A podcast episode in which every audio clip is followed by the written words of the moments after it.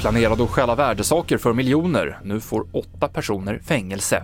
Och sänkt prognos för ukrainska flyktingar till Sverige. Det är rubrikerna i TV4-nyheterna.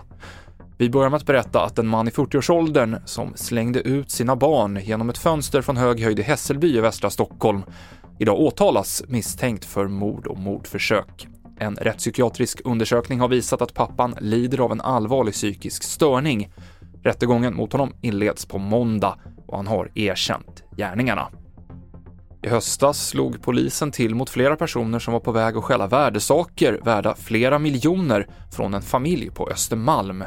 Nu döms samtliga åtta åtalade till fängelse, men rubriceringen blir förberedelse till inbrottsstöld och inte försök till grovt rån som åklagaren hade yrkat på.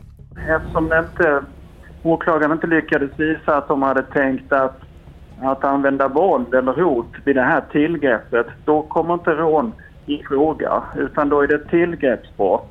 Inbrottsstöld i första hand med en straffskala på 1 till 6 års fängelse.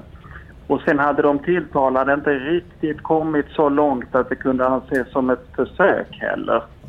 Eh, utan en förberedelse istället.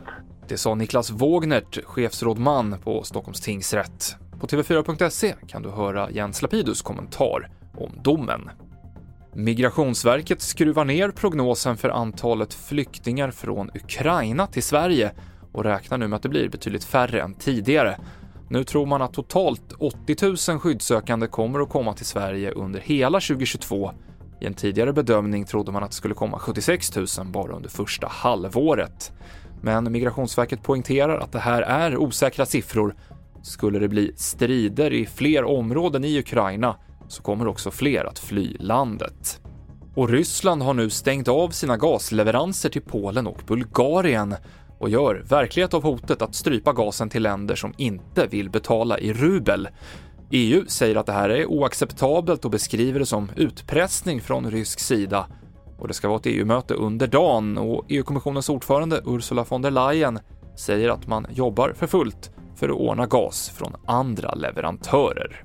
Senaste nytt finns i appen TV4 Nyheterna i studion Mikael Klintevall.